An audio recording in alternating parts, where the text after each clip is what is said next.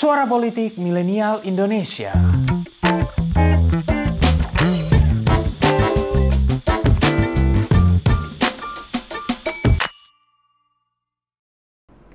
Time Machine My book has been translated into a number of languages, and it talks about my journey through my eventual breakthrough using laser light to produce a time machine. The problem with the notion of time travel is that people get a lot of their notion from movies, but there is a real scientific basis. Perkenalkan Profesor Ronald Mallet dari University of Connecticut.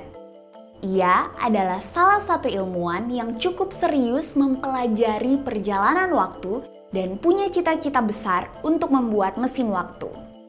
Mallet memang dikenal sebagai salah satu ahli fisika yang tak memandang sebelah mata kemungkinan untuk melakukan perjalanan waktu. Bahkan menempatkannya sebagai obsesi terbesar sepanjang hidupnya. Teori-teori terkait perjalanan waktu memang menghiasi sejarah manusia. Bisa dibilang topik perjalanan waktu ini jadi salah satu perbincangan paling populer. Ini juga yang membuatnya begitu masif diadopsi dalam pop culture. Well, film-film macam Back to the Future, series legendaris Doctor Who, hingga series manga karya Fujiko F. Fujio Doraemon adalah beberapa contoh di antaranya. Namun perdebatan soal perjalanan waktu ini juga melibatkan institusi negara, proses pengambilan kebijakan, serta ragam pembentukan opini di masyarakat. Pada tahun 2000 lalu misalnya, ramai dipergunjingkan kisah John Titor yang mengklaim melakukan perjalanan waktu dari tahun 2036. Dan kala itu memprediksi secara tepat dan spesifik beberapa kejadian yang terjadi sekitar tahun 2004. Terlepas dari kebenaran kisah-kisah tersebut, yang jelas kisah tentang perjalanan waktu punya efek yang besar bagi peradaban jika ada negara yang berhasil memecahkannya atau bahkan menciptakan mesin waktu. Lalu, seperti apa kisah perjalanan waktu ini dan benarkah Iran jadi negara yang telah menciptakan mesin waktu? Sebelum mulai, jangan lupa untuk subscribe dulu ya. Kalian juga bisa mendaftar jadi member Pinter Politik dan dapatkan konten-konten eksklusif dengan klik tombol join di bawah ini ya. Dan buat yang berminat untuk membeli ebook Pinter Politik, jangan lupa kunjungi toko Pinter Publishing di Tokopedia, Bukalapak, Shopee, dan semua toko online lain kesayangan kalian. Link selengkapnya bisa juga kalian dapatkan di kolom deskripsi. Back to the video, mari kita mulai.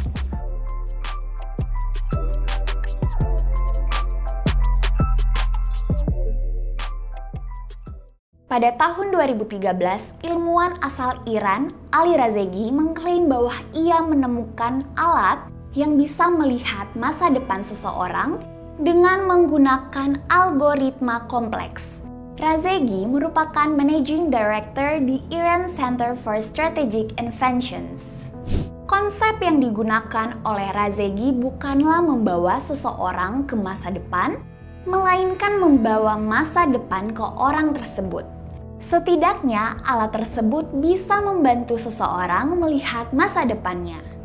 Namun, dalam wawancara dengan Daily Telegraph, Razegi menyebut bahwa otoritas pemerintah Iran memilih untuk menutup publik dari proyek yang dia gagaskan itu dengan alasan takut idenya akan dicuri oleh Tiongkok dan alat tersebut diproduksi jutaan unit dalam semalam. Otoritas pemerintah Iran belakangan juga menyebutkan bahwa alat yang dimaksud Razegi tidak ada. Sikap otoritas Iran ini memang menimbulkan tanda tanya terkait seperti apa negara menghandle isu-isu yang berhubungan dengan permainan waktu atau masa depan. Apalagi kisah dan pengakuan Razegi telah mencuri perhatian masyarakat di seluruh dunia.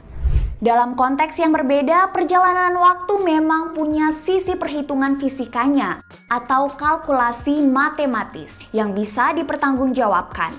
Salah satu teori yang umumnya dipakai untuk membuka probabilitas perjalanan waktu adalah teori geometrik yang dikemukakan Albert Einstein pada tahun 1915 yang dikenal dengan sebutan General Relativity atau teori relativitas umum. Pengembangan dari teori ini melahirkan beberapa pengaplikasian, salah satunya yang berargumentasi bahwa jika kita bergerak dengan kecepatan cahaya, maka akan sangat mungkin seseorang kembali ke waktu-waktu sebelumnya. Adapun beberapa bukti yang menguatkan teori perjalanan waktu ini adalah kemunculan tokoh atau kelompok tertentu yang mengklaim bisa memprediksi waktu di masa depan. Ini misalnya yang terjadi pada kisah John Titor yang menghiasi diskursus publik di AS pada tahun 2000 lalu. Dalam postingan-postingannya lewat buletin, serta beberapa artikel online, ia mengaku sebagai tentara AS yang berbasis di Tampa, Florida dan melakukan perjalanan waktu dari tahun 2036. Salah satu prediksi Titor adalah soal konflik sipil yang terjadi di Amerika Serikat. Fenomena ini dianggap terpenuhi dengan adanya konflik di seputaran Pilpres AS tahun 2004. Walaupun klaim lanjutan bahwa perang tersebut akan berujung pada event global yang lebih besar tidak terbukti, banyak pihak kala itu menganggap apa yang disampaikan oleh Titor benar adanya. Dalam investigasi-investigasi di tahun-tahun selanjutnya, kisah John Titor ini dianggap sebagai hoaks atau kebohongan. Pada tahun 2009, misalnya disebutkan bahwa isu tentang John Titor ini dibuat oleh Larry Haber yang merupakan seorang pengacara dari Florida bersama dengan saudaranya Morey yang merupakan seorang ahli komputer. Kisah John Titor ini hanya satu dari beberapa fenomena lain terkait perjalanan waktu. Beberapa fenomena lain adalah foto-foto dan lukisan-lukisan yang dianggap menggambarkan konsen perjalanan waktu tersebut. Salah satunya adalah foto yang berasal dari tahun 1941 pada acara pembukaan South Fork Bridge di British Columbia, di mana ada seorang pria yang terekam kamera berpakaian dan bergaya fashion bukan berasal dari era tersebut. Demikian pun dengan bukti-bukti foto lain yang misalnya disebut menggambarkan adanya handphone di masa lalu dan lain sebagainya.